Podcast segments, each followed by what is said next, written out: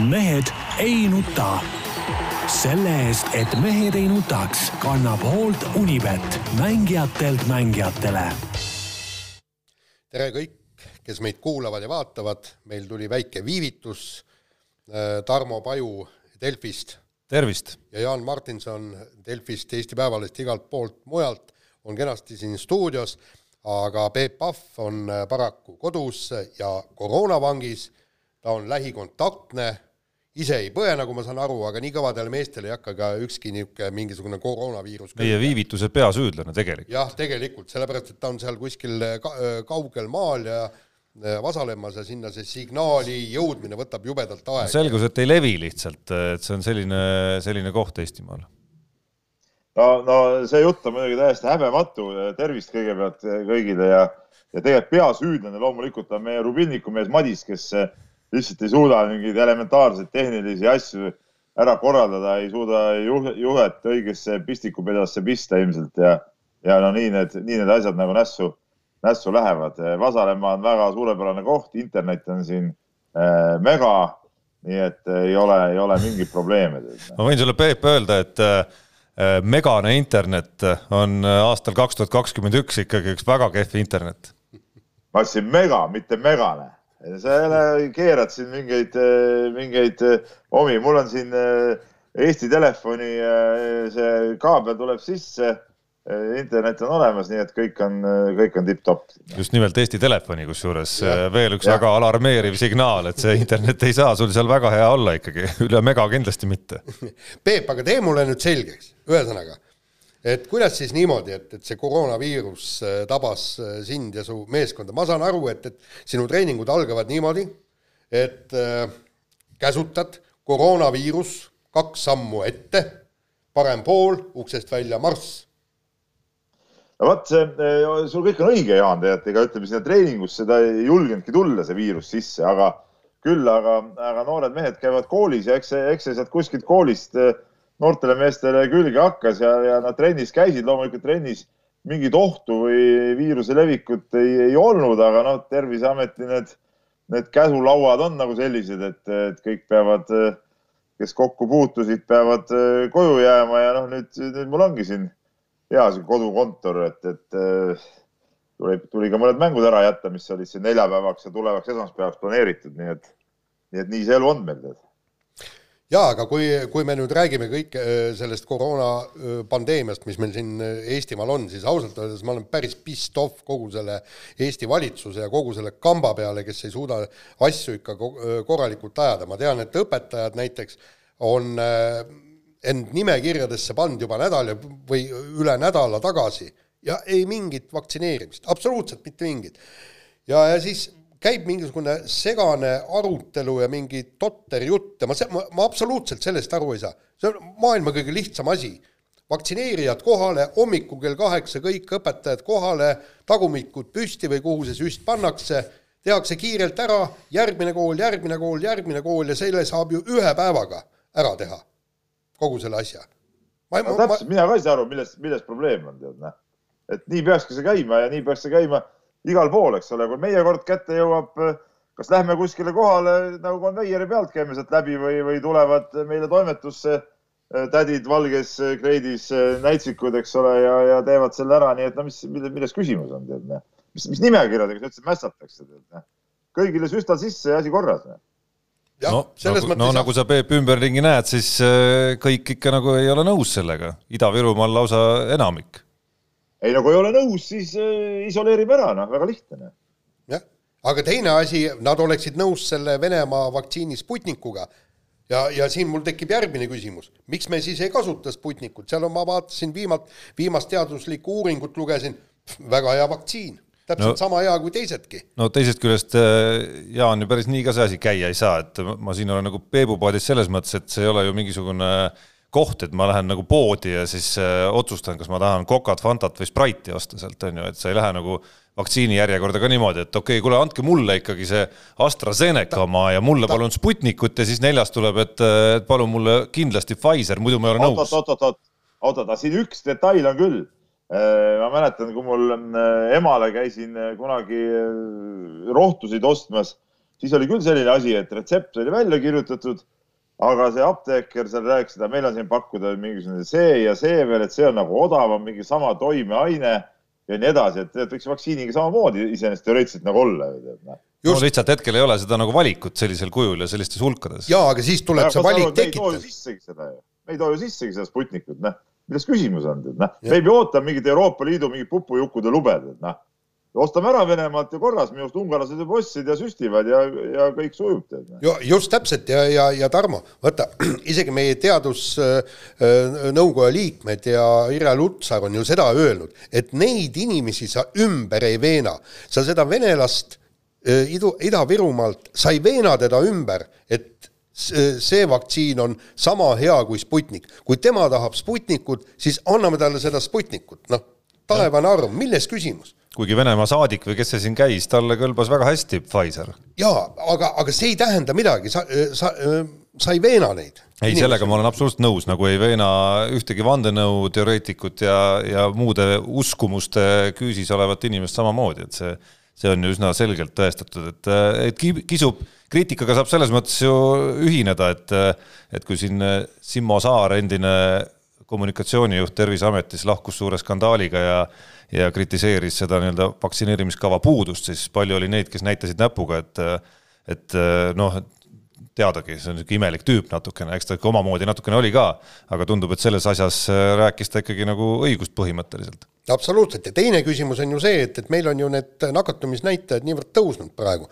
meil on iga päev noh, sisuliselt kuskil te testitavate arvust äh, kaksteist, kolmteist protsenti on äh, koroonaseid. no see protsent kusjuures ei ole nagu väga palju tõusnud, et, sealkandis on ta olnud ei. pikemat aega, suurem mure on see, et haiglapatsientide hulk hakkab viiesajale lähedale jõudma, nii et sealt kipub see kriis tulema. ja, ja teine asi on. me oleme ju selle ühe näitaja poolest oleme nagu olümpiafinaalis nagu ehk siis viiendal kohal vist olime või? jah, ainult EOK toetust ei saa.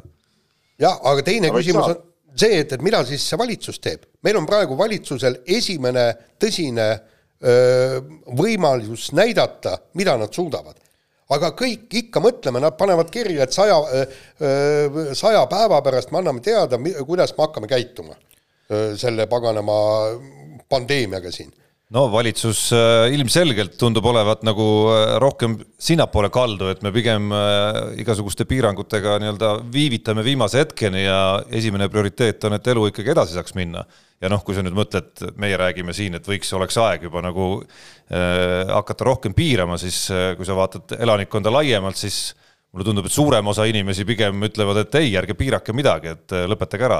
jaa, aga äh, samas sa ütled eluga edasi minna, kuidas lähevad eluga edasi need, kes praegu äh, koroona tõttu teise ilma lähevad? ei, no, mind, ei, ei, mind sa ei pea veenma selles. just, ja teine küsimus on ju ka see, et, et meil kogu aeg räägime, et koolis, et noh, et vaimne tervis, lapsed tahavad koolis käia ta,, ta-ta-ta-ta, kõik nii, aga mitte keegi ei küsi, et seesama õpetajakaader, kes on ju tegelikult äh, vananeb ja, ja tõesti, nad on noh, nemad on see riskirühm.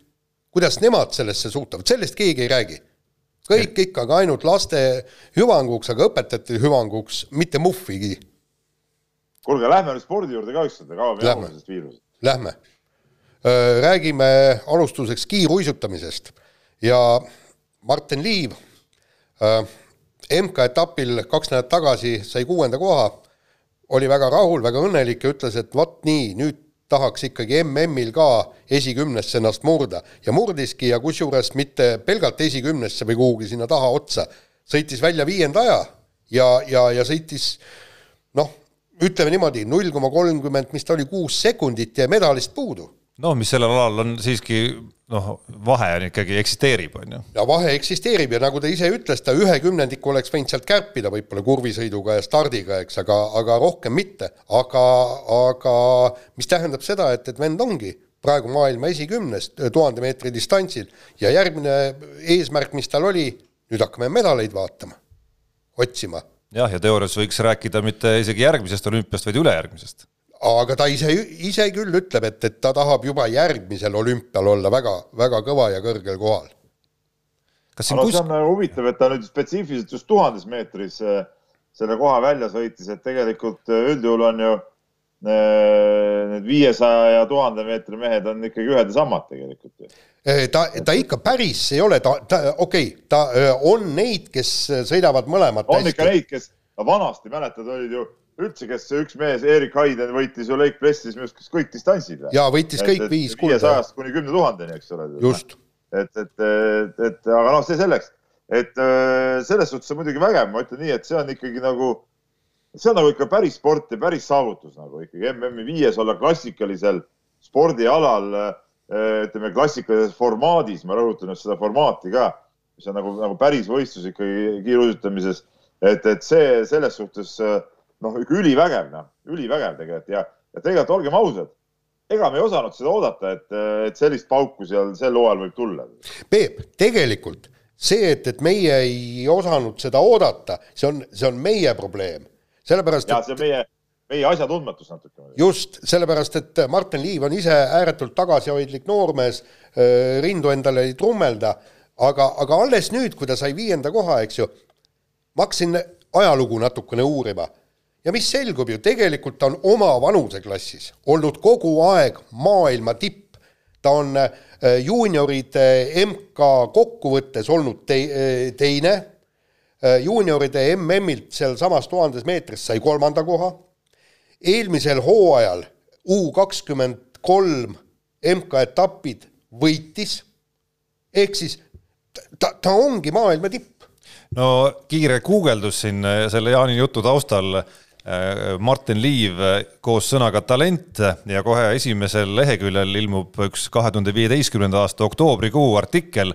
autoriks on sellel Jaan Martinson, pealkirjaks Martin Liiv, kiire mees jääl, piiriks vaid taevas. mäletad, Jaan? no tead, ma olen nii palju neid artikleid kirjutanud, eks, et aga, aga, aga ta ongi nii ja, ja kusjuures rääkisin temaga ka sellest tuhande meetri distantsist ja ta ütles, et viissada on tema jaoks liiga kiire.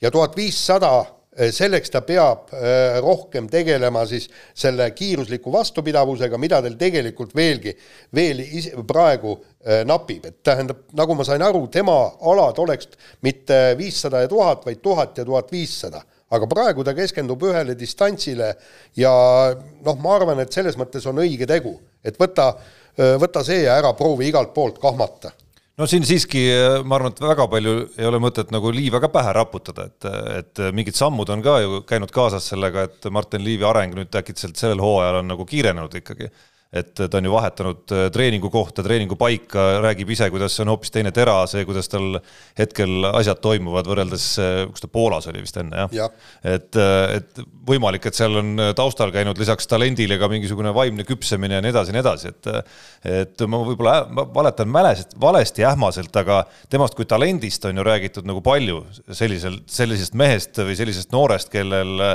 potentsiaal on kusagil päris kõrgel, on ju, aga või võimalik, et ma eksin, Jaan, sa võid mind parandada, aga kuskilt mul nagu on meeles ka mingisugune lause tema kohta, et et ütleme, sellist nagu Saskia alusalulikku sellist nagu töökust ja pühendumist võib-olla mingil hetkel ei olnud, aga võib-olla ma eksin ja teen liiga praegu. vot seda ma tõesti, ma, ma ei julge siia, siia küll midagi öelda.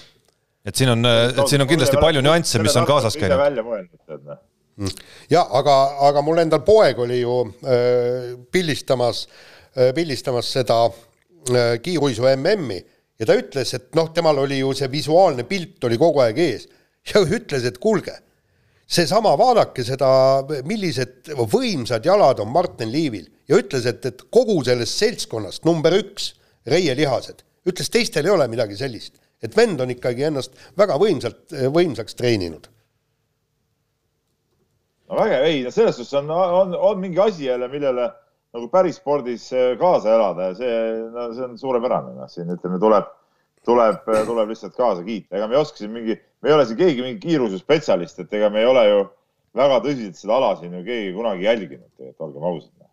just, aga. me oleme vaadanud nagu suurvõistlusi, no mina omal ajal vähemalt, aga, aga noh, ütleme, me ei ole nagu mingid päris spetsialistid siin. just, aga, aga. kuigi me teame sellest muidugi kõik just, aga nii palju tahaks nüüd öelda, eks, et äh, väga hea, et Martin Liiv sai EOK palgale et äh, saab nüüd treeningtoetust, aga, aga nagu ta äh, ütles, et, et nüüd ta tahab enda Reitel, mis on maailma vägevaimad, äh, välja müüa ka need reklaamid, suured reklaamid ja kuna ta hakkab nüüd sõitma maailmakarikal A-grupis, siis sealt on noh, nagu väike väljund ka ja siit üleskutse Eesti firmadele, palun, ostke need reklaamid ära ja, ja aidake Martin Liivil veelgi kõrgemale tõusta, kuni medaliteni et jah, ma ei välista üldse, et see väike võrdlus oli, oli nagu liiga tegemine, lihtsalt mulle meenub, et Saskia Alusalust on räägitud kui selline nagu noh, mitte, mitte selline nagu puhas talent, vaid ikkagi selline, kes on nagu tööga ennast suutnud nagu mingile tasemele viia, et et Martin Liiv nagu nüüd tulemustestki näha,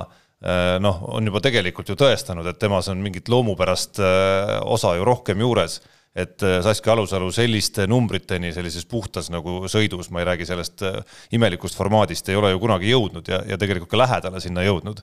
et ta võiks võistelda viienda koha peale ja unistada olümpiamedalist sellisel klassikalisel alal. ei, absoluutselt. ei, ta ta ei saa äh, unistada olümpiamedalist ka selles massstardis, sellepärast et ta ei pea lõpuni vastu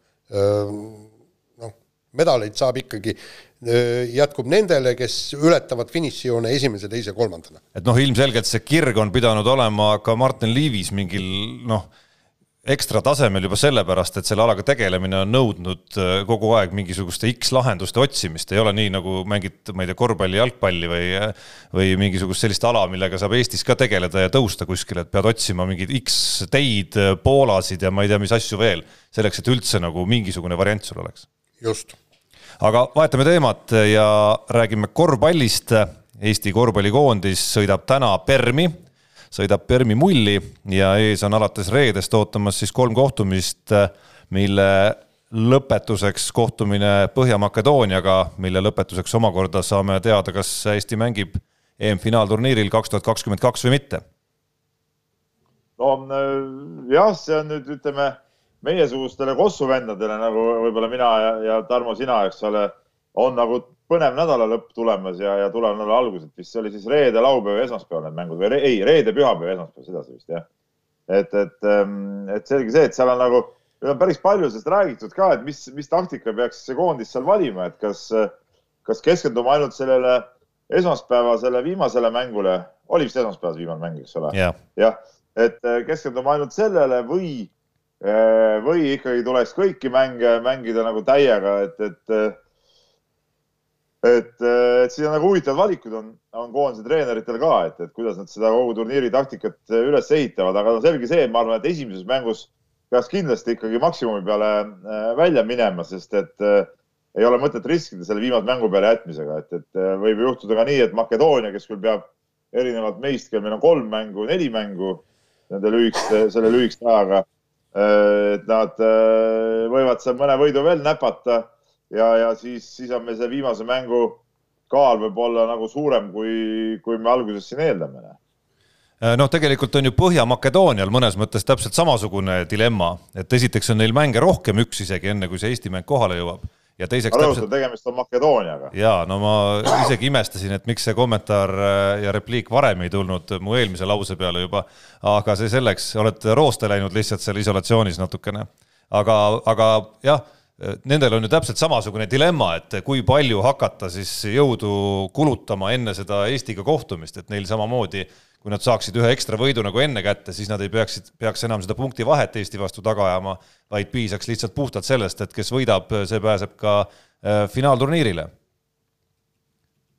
no nii on ja, selles suhtes äh, siin ütleme, selliseid taktikalisi variante on palju, aga noh, seda taktika taktikaks küsimus on kõigepealt selles, et, et kuidas me ise oma mängud seal käima saame ja, ja noh, siin on tegelikult ju palju räägitud sellest, et et Eesti mehed on praegu nagu heas vormis olnud ja Henri Trell siin Itaalias tegi karikamängudel kõva soorituse, liigas on mänginud no, Kotsar, Kullamäe, noh, kõik on nagu hästi pannud, aga noh, tegelikult äh, ma ütlen, siin peab olema ikka nagu ettevaatlik, et ega mingi siukest eufooriaga äh, ei saa nagu päris peale sinna minna, et üks asi on see, et sa kuskil seal klubis paned, paned kõvasti ja, ja, ja oled seal omas mingis süsteemis, teine asi on see, et kuidas sul siin koondises asjad välja tulevad et olgem ausad, see koondise tuumik nüüd, kes peab seda asja otsustama hakkama, on meil ikka pagana noor ja ega neil sellist, sellist koondises asjade otsustamise kogemust nüüd ülemäära palju tegelikult ei ole ja, ja niisuguse tähtsa mängu mängimise äh, kogemust ka, et, et, et okei okay,, Kullamäe on siin võib-olla saanud neist kõige rohkem niisugusest koondises kandvat rolli äh, juba etendada, onju, aga ütleme teiste meeste jaoks on see ikkagi ikkagi suht, suht uus asi noh ja, ja, ja, ja ma arvan, et see tegelikult ei ole see niimoodi, et, et me võtame viis meest ja, ja liidame need kokku ja vastus ongi viis, et, et, et see seis on, on ikka, on nagu keerulisem tegelikult. no isegi, ega, isegi... ega mingit ühistrennideks ju aega väga ei jää, et nad kogunesid ju, kogunesid ju esmaspäeval, eks ole paljud mehed pühapäeval mängisid, esmaspäeval midagi suurt ei saanud toimuda. Täna on reisipäev, neil vist hommikul oli enne äkki trenn ka, kui nad reisima nüüd hakkavad. ja, ja siis seal kohapeal mõned trennid. minu teada on veel nii, et nad jõuavad täna õhtu sinna ja homme õhtu on esimene trenn alles. et, et ega seal, ega seal väga palju siukest ettevalmistusaega ei jää, nii et, et, et ega see seis on, on, on, ma räägin, seis ei ole nagu nii üheselt võetav, et, et nüüd lähme ja paneme selle noh, isegi kui hakata neid äh, mängijaid niimoodi nagu liitma, et siis äh, ega me siis ka ei saaks vaadata Põhja-Makedooniale või Makedooniale, kellele iganes rohkem meeldib äh, niimoodi, et, et mis vastane see niisugune on, et et lõppkokkuvõttes, kui paned kaks koosseisu kõrvuti, siis ja hakkad vaatama, mis liigades keegi midagi teeb, siis, siis see nende tagamees, kellega me saime esimeses kohtumises aasta tagasi hakkama, Nenad Dmitrijevitš on tal nimi ja Padalona Juventudis ta mängu, mängib, eks on Eurocup sarjas sel aastal äh, peaaegu viisteist punkti keskmiselt mängust visanud, on ju. paneme sinna juurde veel selle äh, kodustatud ameeriklase ka veel, on ju, ja, ja saame rääkida sellest, et ega selles osas Põhja-Makedoonia ei jää meile nagu kuidagimoodi alla, et vastupidi, võib-olla isegi. ja üks asi, milles, äh, milles neil kindlasti ma ka kardan, et natukene väike edu võib nagu olla, on see kogemuste pool just, et seal on need Stojanovskid ja sellised ven-, vennikesed, kes on nagu, kes on nagu saanud selliseid mänge natukene rohkem oma elus võib-olla mängida, selles mõttes on ülikõva, et, et Sokud ja Veidemannid vähemalt Vene ja Kitsingu puudumisel on meil olemas, aga me oleme näinud ka nendes nendeski mängudes, kus siin noored on meid hästi vedanud, et lõpuks mingitel hetkedel on siin Kitsingut ja Vene väga vaja läinud mingites olukordades just, et ta võtaks palli ja, ja, ja nagu oma kogemusega otsustaks. ja üks detail on muidugi veel, et kui me võrdleme just selle Makedooniaga, et äh, teadupärast Makedoonia on mingi nädalapäevad juba koos äh, trenni teinud ja valmistunud selleks turniiriks. okei okay,, seal paar meest olid puudu, aga ütleme, suures osas oli meeskond koos ja, ja, ja tegid trenni ja, ja said valmistuda, nii et selles suhtes äh, ütleme, nende käes on ka teatud trumbid ikkagi noh, mul õnnestus sedasama Dmitrijevitši eelmisel nädalal ka mängimas näha Hispaania karikavõistluste Copa del Reil, et ma sellest äh, rotatsioonist seal Juventudis väga hästi aru ei saanud, aga aga need minutid, mis ta väljakul mängis, oli ta küll selline mees, kes äh, noh, näitas igati, et ta on võimeline meeskonda vedama ja vedama päris hästi, nii et et ses mõttes saab see päris äh, ärev test olema ja no ma ütleks, põhiline ärevus seisneb seal juba teel sinna, et kõik need mehed peavad esiteks eh, kohale jõudma, peavad läbima kõik need koroonatestid, mis tee peal tehakse ja koha peal tehakse, et selleks, et üldse saaks seal eh, lõpuks selles tähtsas mängus nagu väljakul ka käia. ja, ja nad peaksid ka, ka ter... ja see viimane mäng, et seal kohapeal ka veel tervena püsida, sest et eh, noh, Permis on ju vist publik ka saalis, et seal puhutakse sul läbi fanfaaride ka võib-olla tead seda viirust sinna platsi peale natuke. Noh. just.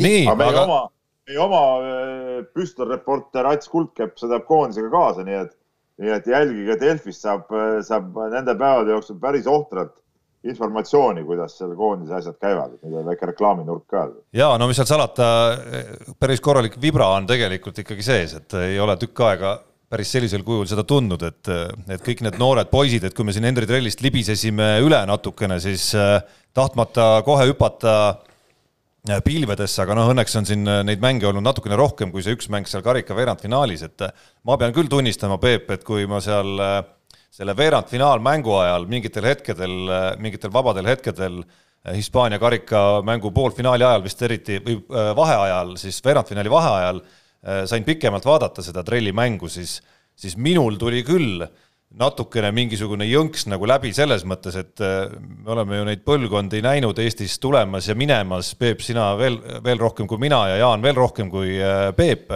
aga mulle mingeid nagu niisuguseid déjà vu hetki tekkis seal küll, et see, see paralleel Martin Müürsepaga, mida Henri Trelli puhul on tahetud kuidagimoodi nagu esile tuua, mina nagu tabasin äh, selle mängu ajal nende minutite jooksul nagu seda paralleeli enda peas nagu esimest korda, et lõpuks ometi ma midagi sellist näen nagu kunagi üheksakümnendatel.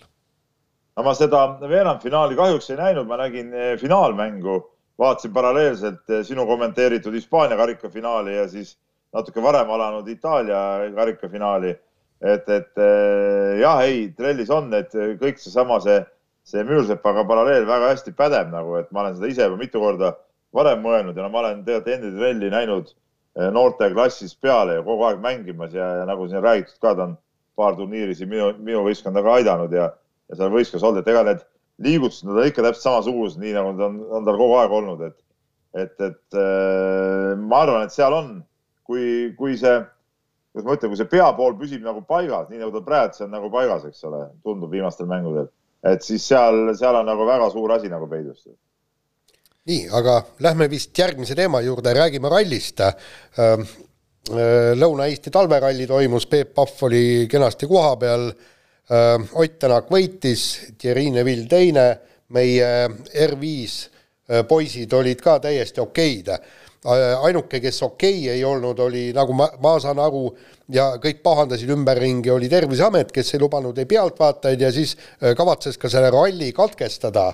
kuigi jah, noh, seda rahvaste tunglemist minu meelest seal rallil eriti palju ei olnud, aga Ott Tänak pidi päästma ära selle ralli, et ajama need pealtvaatajad oma sõnumiga koju ma käisin ise ka korra raja ääres vaatamas ajakirjanikuga, mul oli see luba nagu olemas ja, ja, ja noh, seal natuke rahvast muidugi oli, et, et samas seal kohapeal see asi ei tundunud küll nii dramaatiline, et oli ka politseiauto seal kohapeal.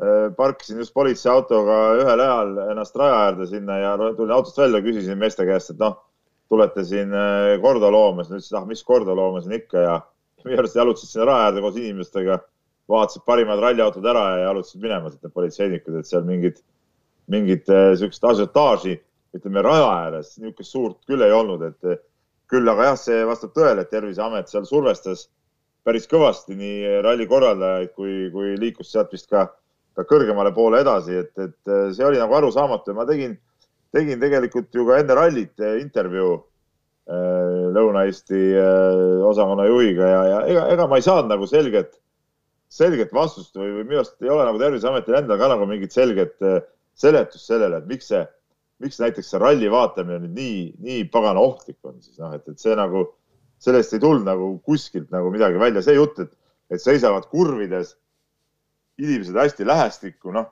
no ma ei tea, no kinos või teatris istuvad, istuvad ka lähestikku ja noh, suletud ruumis, et seal vabas õhus nüüd see lähestiku olek, maskid olid inimestel ees ka, no ma ei tea, see ma ei näe seal küll nagu nüüd mingit erilist ohtu. no rääkimata sellest, et äh, näiteks Estolopeti maratonidel või Tartu maratonil nad mitte ainult ei seisa lähestikku, vaid nad äh, hingeldavad ka veel päris korralikult lähestikku. ja maske pole ees ka. aga, et, et, aga ma rõhutan et... nüüd, ma pehmendan nüüd teie juttu, mitte mingil juhul ma loodan, sa, Tarmo, ka ei taha selle jutuga öelda, et maraton ei peaks toimuma. ma tahan selle jutuga ja hoopis öelda seda, et naasta natukene selle saate alguse meie koroonakriitika juurde, et ma arvan, et see on hea detail, mis iseloomustab minu arust just seda, et miks ei tohiks olla need piirangud nagu ebaloogilised, et ma arvan, et see on ma arvan, et just sellised eh, nagu ebaloogilisused tekitavadki inimestes ka seda, et, et, et mis asi see nagu toimub, et see, see kõik ei ole nagu okei okay,, on ju, et näe, ühest küljest eh, justkui täiesti ohutu asi te keelate ära ja teisest küljest palju ohtlikumad asjad ei keela ära ja,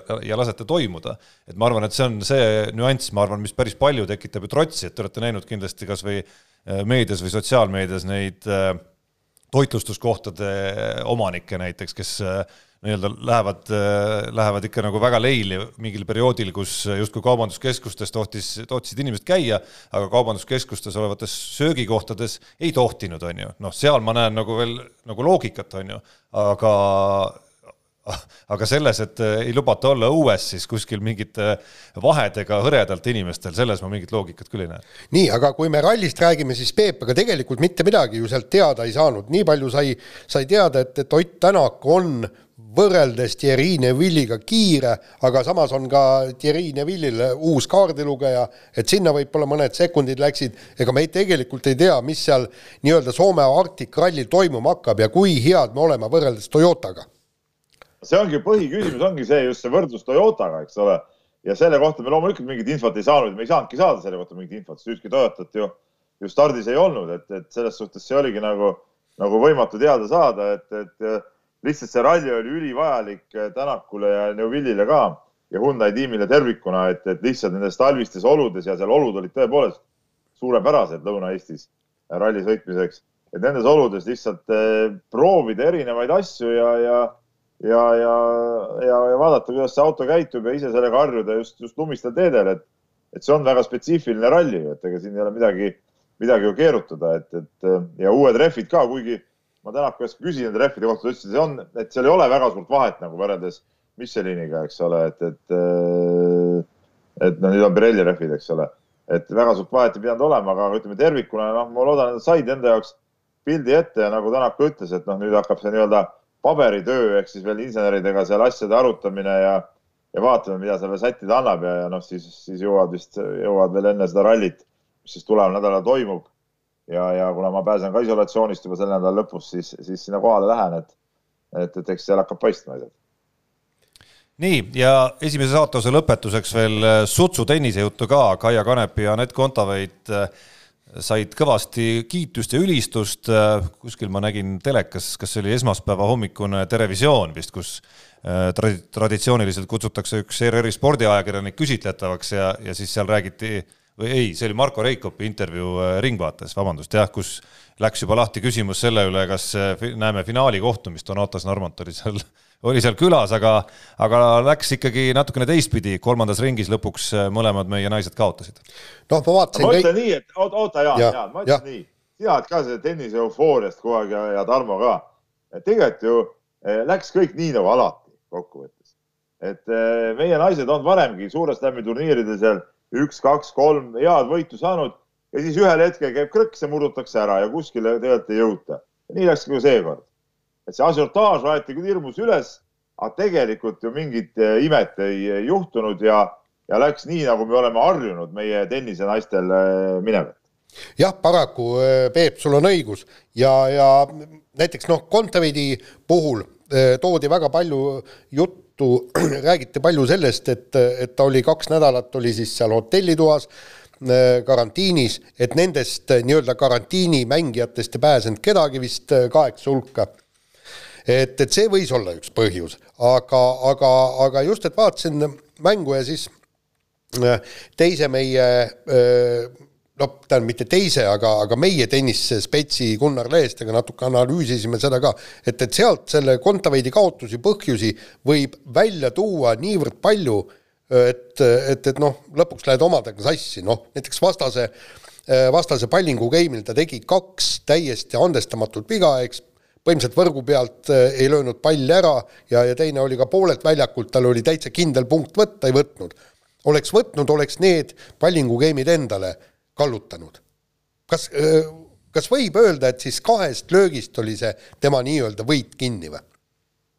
või siis äh, kuidas Kaia Kanepi järsku kaotas ära oma agressiivsuse pärast esimese seti võitu ja kui sa, kui sa vaatad, kuidas ta kogu aeg mängis tagasi vastasele keskele, ta ei pannud vastast üldse liikuma et, et, et, et seal on neid eh, nüansse küll ja veel ja, ja kui palju ja, ja põhiprobleem ja ma olen seda öelnud ja ma jäängi seda ütlema. punkt üks, nad ei suuda mängudes panna ühte mängu äh, nii-öelda kokku. Nad mängivad kohati jube kenasid punkte. kolmkümmend null vastase pallingul lähevad ette ja siis kõik. vot siis ühe, ühest hetkest enam nad ei mängi nii hästi. ja teine asi, nad ei suuda panna turniiri kokku. Nad mängivad kolm väga head mängu ja siis mängu, mängivad kesise mängu ja ongi tehtud. sulle, Peep, ei tundu, et, et see kõik tundub nii lihtne, kui sa Jaani kuulad? ei no aga ongi tegelikult lihtne, noh. tegelikult ongi lihtne, võta pall ja löö vastasel väljaku pooleli, nii et tood kätte ei saa ja kõik. No nii, Peep on meil vahepeal selle jutu peale hoopis kadunud liinilt ära loodetavasti jõuab ta sinna varsti, varsti kohe tagasi. mis ma tahtsin veel tennise kohta öelda, oli ainult nii palju, et ma siin eelmises saates hõiskasin korra, et Anett Kontaveit nagu sellest karantiinis istumisest justkui nagu vähemalt nagu selles, selle nagu rooste osas nagu sai nagu üle, on ju. et tal, tal nagu seda osa ei olnud, et ta tuleb välja ja siis ei oska enam tennist mängida ja justkui sai ennast nagu jooksma, aga teisest küljest see, mida ta ütles siis pärast Äh, pärast seda kaotust tundus ka väga loogiline ikkagi, et äh, näe, Peep on ka tagasi, tundus ka väga loogiline ikkagi, et, et, et, et see kehaline ettevalmistus saab ju ka kannatada ja ühel hetkel ei kesta seda nagu seda mängude rütmi enam välja. jaa, aga vaata, seal ongi küsimus, kas oli, oli vaja eelturniiril olla sedavõrd hea, et, et jõuda, ei Osaka ju näiteks loobus turniirist, viidates vigastusele, katkestas turniiri ja praegu paneb nagu kulda. lõpuks võidab selle. oota, aga ma ei, ma ei kuulnud, kas te vahepeal rääkisite, ma siin vahepeal tõepoolest Eesti Telefon siin vedas vist alt meid. aga. megane ühendus. kas ei ole, kas ei ole mitte selles küsimus, et meie nendel naistel vaim ei pea tegelikult seda pinget nendel suurturniiridel vastu, et just vaata, Jaan, nagu sa ka ütled, eks ole, seesama Kanepi näide, et kuidas ta nagu ei pannud vastast enam jooksutama, vaid ühest hetkest hakkas lihtsalt keskele tagasi ajama. et see ongi see, et sa lihtsalt vaimselt, sa ei suuda enam platsil olla nii terav ja mängida nii nagu vaja ja, ja, ja mingil hetkel lihtsalt see vaimne piir tulebki ette ja sellepärast nad, nad tegelikult ütleme kõrgemale polegi kunagi jõudnud no absoluutselt, absoluutselt see võib olla ja ma olen kogu aeg meenutanud ju seda öö, Ostapenko võitu Prantsuse lahtistel, kus Läti neiu ajas täiesti hullu. ta ju oli kogu aeg agressiivne, tagus neid jooni ja tagus tagapiiri ja kõik. Ja kui pallid juhtusid sisse minema ja neil päevil läksidki ka finaalis. Ja, ja oligi võit, et seal mitte ühelgi hetkel ta ei murdunud, et nüüd ma hakkan kuidagi võitu kindlustama või ma hakkan eh, mängima vähem agressiivselt, et ootan, kuni vastane eksib ja kõik. ja, ja, ja palun, tal on üks võit olemas, praegu ta on ikkagi maailma viiekümnes, kuuekümnes, kus ta peakski olema nojah, aga sa ütlesid, et eh, meie omad ei suuda ühte mängu kokku panna, see ei Just. ole ju kindlasti õiglane hinnang. kas Kaia Kanepi siis äh, ei suutnud Kenini vastu ühte mängu kokku panna? ei, ei, ma mõtlen, et, et no ühe siis, kui ta kaotas, seda mängu ta ei suutnud kokku panna. ta mängib äh, väga hea esimese seti ja siis kuskilt maalt äh, läheb asi käest ära. ja aga noh, nii on kõikidel, kes kaotavad lõpuks.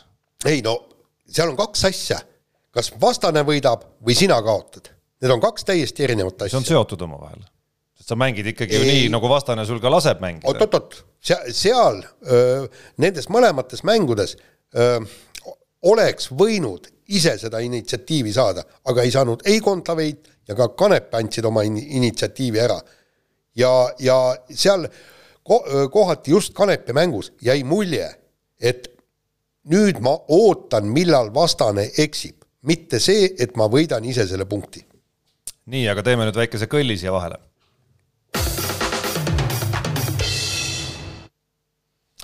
nii, jätkame kiire vahemänguga ja loodame, et tõesti kiiresti laskesuusatamise mm on käimas, vaatasin eile ülekandeid, meie reporterid sealt on väga optimistlikud, hõiskavad, kogu aeg elavad meie omadele kaasa, ainult et noh, tulemust ei ole. Tuuli Toomingas, kes hooaja alguses oli, oli tõesti väga hea ja, ja nagu Peep ka käis hooajaeelsel pressikonverentsil, kus räägiti, et mm on põhiline, MM-iks valmistutakse, nüüd on üldse, vorm on täiesti läinud, sõita ei suuda, aga Johanna Talihärm selle see-eest jälle suusatab jumalast vingelt, sprindidistantsil üheteistkümnes sõidu tulemus, aga temal on laskmisega pisikesi probleeme. No väga täna, raske on. täna on ju naiste distants, eks ole, et, et see on tegelikult hea võimalus Johannal, kes on tegelikult alati olnud meil ju tiitlivõistlustel, no mitte alati, vaid ütleme, paljudel tiitlivõistlustel olnud ikkagi parim eestlane, et ta oskab tiitlivõistluseks vormi timmida. kui neid vähegi pihta laseb, siis selle sõidukiirusega võib ta distantsi saada väga kõrge kohaga, seda tead näeb juba, juba paari tunni pärast. väga raske on eh, meil, ma arvan, midagi lisada siia isegi, kui asjaosalised ise isegi ei, ei suuda päris täpselt näppu peale panna või vähemalt öelda, et kuhu kadus Tuuli Toominga vorm sellel aastal ühel hetkel ikkagi. mis, mis, mis tarkust me saaks lisada siia? just, ja kuskohast ilmus Johanna Talihärma vorm. noh, see on veel nagu tavapärasem kuidagi, sest nagu Peep ütles, et seda mustrit me oleme näinud, et tiitlivõistlustel päris tihti kui hooaeg ei ole seda lubanud, siis, siis ikkagi sellest hoolimata Johanna Talihärm on see, kes pigem teeb oma hooaja tulemusest paremini olukorras, kus paljud teised teevad vastupidi. Ja, ja, ja kusjuures.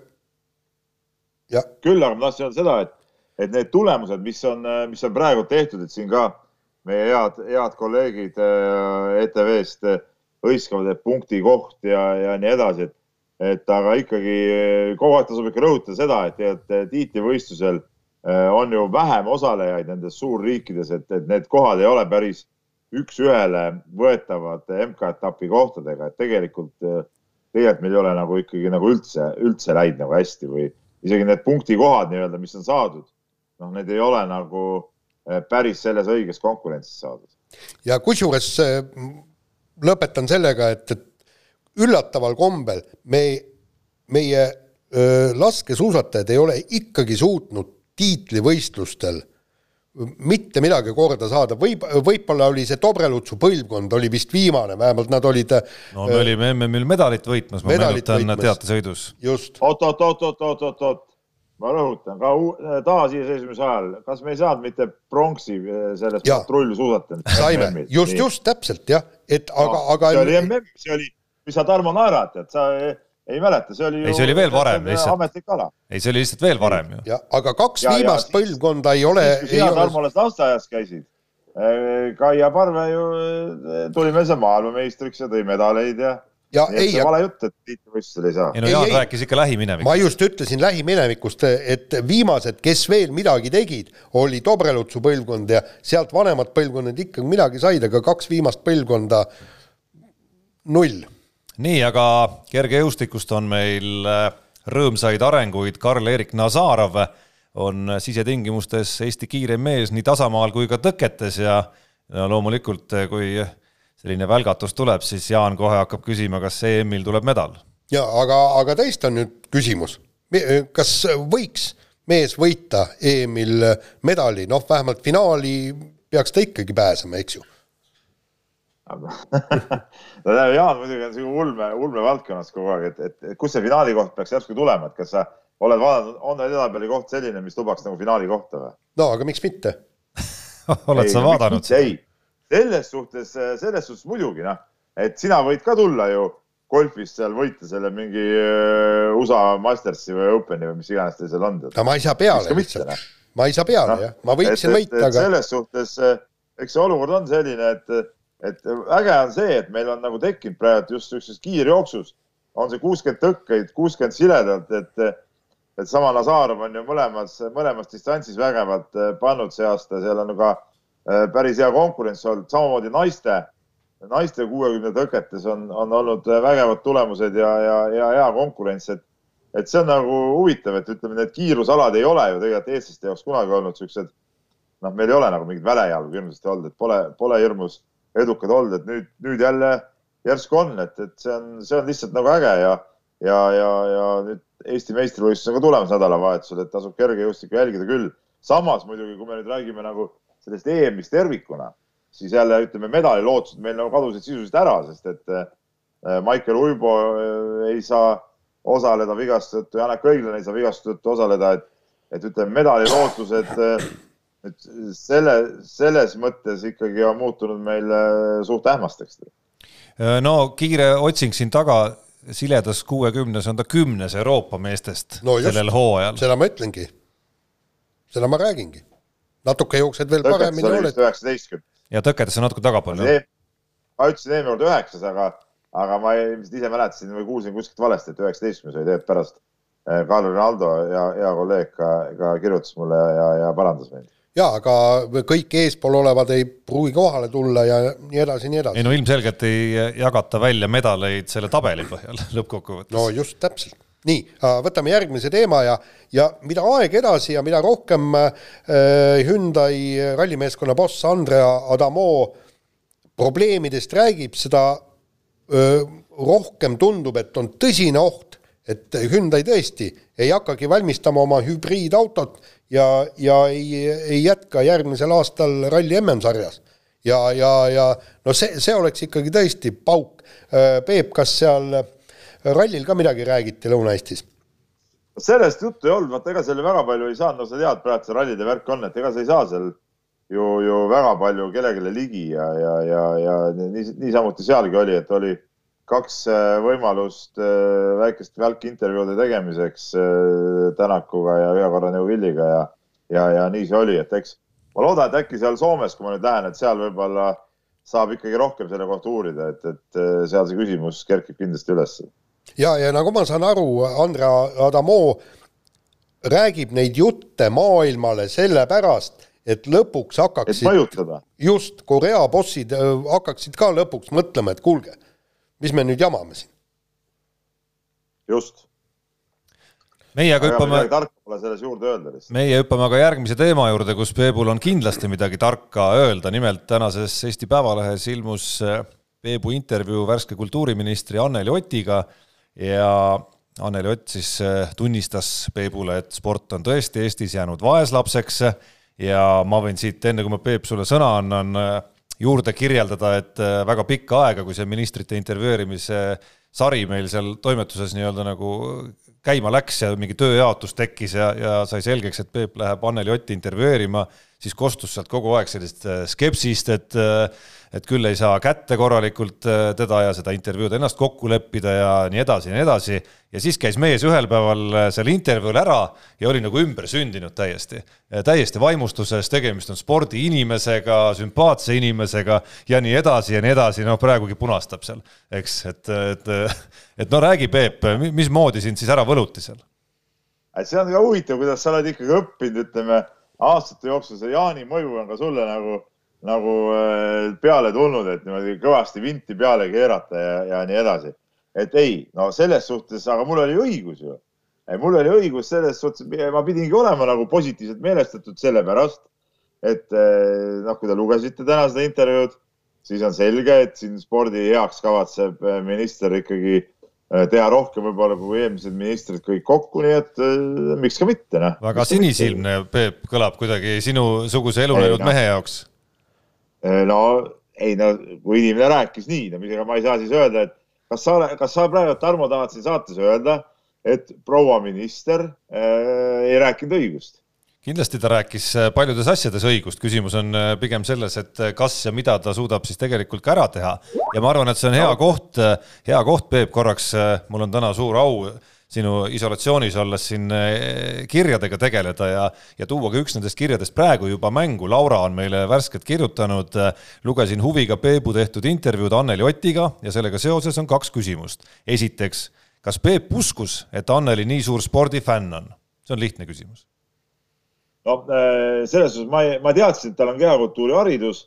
ma teadsin, et ta on Parksepast pärit ja ma tean, et Parksepast oli, on sport alati auses olnud, aga ma tegelikult otseselt ei teadnud, kui palju ta tegelikult seda sporti ise hinges kannab, aga see tuli küll välja, et noh, mis on nagu positiivne, on tõesti see, et tegelikult see sport on läbi elu kuidagi tema elus nagu olnud, noh, et, et kõik see vanemate kaudu ja, ja ise trennis käigud ja mis mulle eriti meeldis, et kui sa nagu ütled, miks, miks, miks ma nagu, miks ma, miks ma olin nagu suht rahul, kui ma sealt tagasi tulin. sa lugesid intervjuus, oli ka see lause sees, et, et kuidas te rääkisite, ma läksin viieaastaselt trenni ja see oli trenn, eks ole, trenn, mitte mingisugune tilu-lilu. noh, see oli nagu, nagu ma ise oleks öelnud seda lauset peaaegu. no no aga küsimus number kaks ja see puudutab äh, Anneli Oti lauset ja mõtet, äh, millega ma arvan, me oleme siin saate ajaloos korduvalt alla kirjutanud ehk siis seda, kuidas äh, on väga kuritegelik, mismoodi kehalise kasvatuse tundide arv on Eestimaa koolides langenud. ja küsimus number kaks Lauralt siis kõlab, kuidas võtaks ühiskond vastu ministri ettepaneku, noh, pigem ma vormistaksin seda küll mõttena, mitte ettepanekuna, panna iga päev tunniplaani üks kehaline kasvatus, matemaatikaõpetajad tahaksid siis ju iga päev või rohkemgi veel matemaatikat õpetada. no vaata, matemaatika no,. ma ütlen siin, oota, oota, Jaan, oota, oota, ma vastan ära, ole, nii kõigepealt äh, jutt käis äh, algklasside sellest äh, programmist, kui sa lugesid seda intervjuud, eks ole. nii, teiseks, matemaatika ongi iga päev programmis või?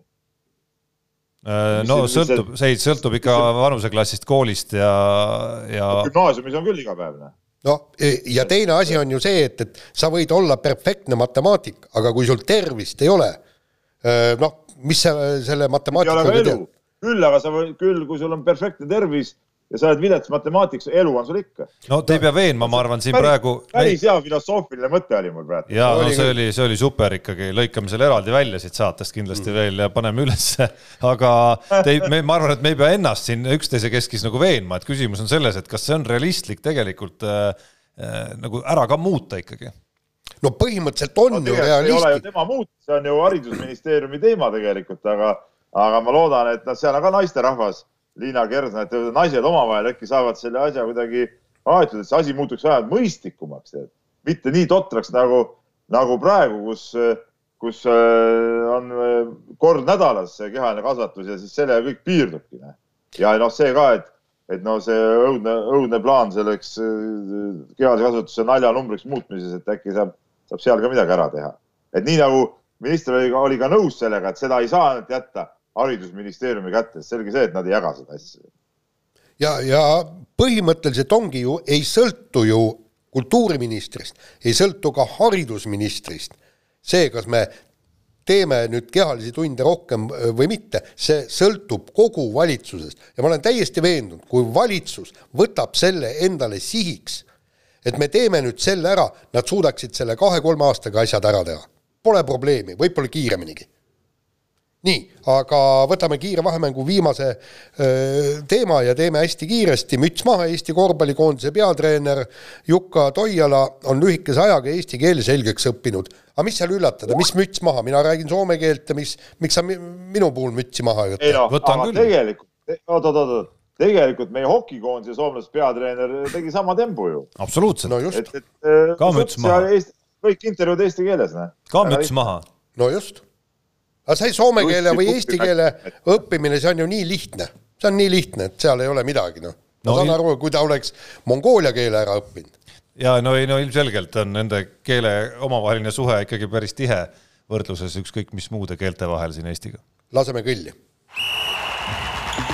Unibetis saab tasuta vaadata aastas enam kui viiekümne tuhande mängu otseülekannet. seda isegi mobiilis ja tahvelarvutis.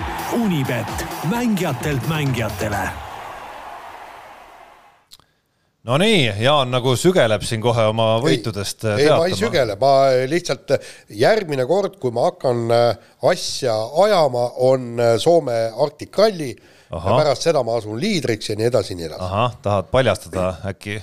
mina tahan meie sponsorit hurjutada, mina tahan meie sponsorit hurjutada. no nii. mina, mina tahtsin panna Henri Trelli mängu peale, ma ei leidnud seda mängu sealt. oli täitsa olemas. karika neid mänge ah?. oli täitsa olemas ju. aga miks ma ei leidnud? ma isegi. ka sealtkaudu vaadata seda ülekannet sedagi ma ei leidnud, sealt pidin otsima kuskilt interneti sügavusest välja selle. kusjuures ma seda mainitud, mida ma saate esimeses osas mainisin, sedasama veerandfinaali, seda ma just sealt jälgisingi. no igatahes Unibeti inimesed, kui te mind kuulate siin, tehke see oma see kuradi koduleht nagu normaalseks. sealt ei saa kunagi midagi aru, kus, mis on, eh, mida peab tegema. tahan vaadata oma neid, eh, näiteks ma ei ole isegi seda, et kui ma panen mingi rivi panuse, eks ole, ma ei näe isegi seda, mis seal täpselt eh, skoorid olid, mis pihta, näen, et läks mööda, aga mis seisuga mööda läks, midagi ei näe. tehke normaalne see koduleht, et seal ei saa panustada normaalselt. mulle pigem tundub, et. selle et... protesti, protestimärgiks ma ei, ei, ei, ei osale. ahah, väike, võib-olla väike arvutikoolitus seal kuidagi selle megase interneti otsas kuluks ära hoopis. kuule, see peab olema niimoodi, et kui ma võtan asja lahti, mul on kõik nagu loogiline, aga, aga ja seda Itaalia, ma panin korvpalli ja korvpallijad tulid välja ainult NBA mängud, noh ainult NBA mängud, mitte midagi muud ei tulnud välja. ei otsi seda Hispaania karikat, ei leidnud ma sealt seda Itaalia karikat, mina ei tea, kus nad seal olid.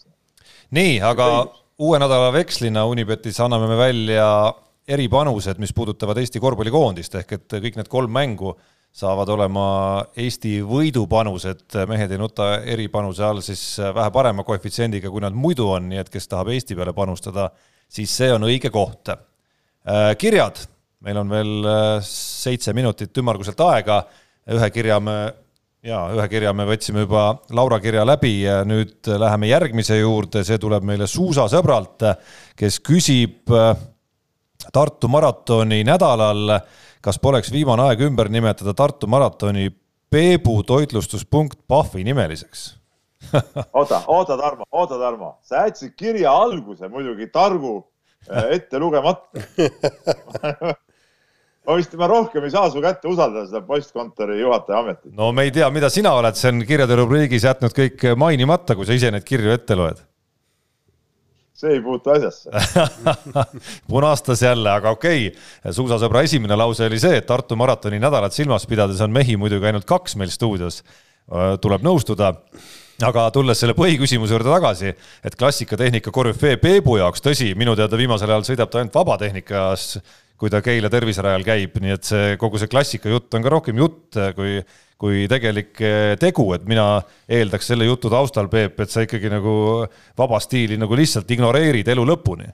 aga ühesõnaga, et ei, see oleks nagu vähim, mida korraldajad teha saaks. oota, kui mina olin noor, siis vaba, vaba stiil, uisustiil tuligi, hakkasime sellest ühele poole külje peal lükkamisest pihta, no see ongi, mina olen sellega koos kasvanud, tead. Noh. aga, aga Pahvi nimeliseks, miks mitte nimetada. Peep Pahvi toitlustuspunkt, aga seal siis peaks olema noh, veidikene paremad toidud, kalamarja natukene Vedik... täna hommikul just sõin kalamarja no. tegin, tegin võileiba ja pärast nii hea oli, panin, panin veel mitu lusikatäit niisama tead otsa, väga hea. kalamari, väga hea. nii, aga meile on kirjutanud uh, Urmas, kes äh, muretseb olümpiamängude pärast. jaapanlased on küll väge täis, et olümpia toimub, aga aasta tagasi olid nad sunnitud oma sõnu sööma, mis saab aga talimängudest uh, toimuvad need üldse totalitaarses riigis, seal võidakse sportlased vabalt karantiini panna, nagu austraallased tegid ja annavad siis eelise öö, omadele, meenuvad Moskva ja Sotši mängud, mida kõike seal omade jaoks ära ei tehtud. Ja, ja kahtleb Urmas, kas olümpiat on võimalik mullis tegelikult pidada, et seal on osalejaid ikkagi liiga palju no ütleme, taliolümpiat no me oleme siin suured skeptikud ise ka. oleme skeptikud, aga taliolümpiat on võimalik mullis pidada, kuna ta toimub ju niikuinii erinevates kohtades. ja kui me paneme selle murdmaa ja laskesuusa mulli paneme kokku, siis ta ei tule ju e, ülemäära suur. ja ma arvan, et, et äh, asi saaks aetud ja hokimull tekitada, kiiruisumull, nagu praegu oli kenasti MM-i ajal oligi, oligi Hollandis oligi ju mull viis nädalat olid kõik kiiruisutajad selles samas mullis. aga suveolümpiaga mul on kahtlased, kahtlused. mul ka, mul ka.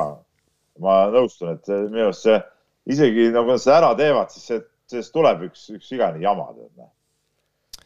nii, kus me jälle siin kirjadega läheme, ühte kirja me oleme tegelikult käsitlenud, mis puudutab siin Otepääl publiku mitte lubamist sel teemal üks kohalik Otepää elanik on meile ka kirjutanud ja avaldanud oma hämmeldust äh, selles osas.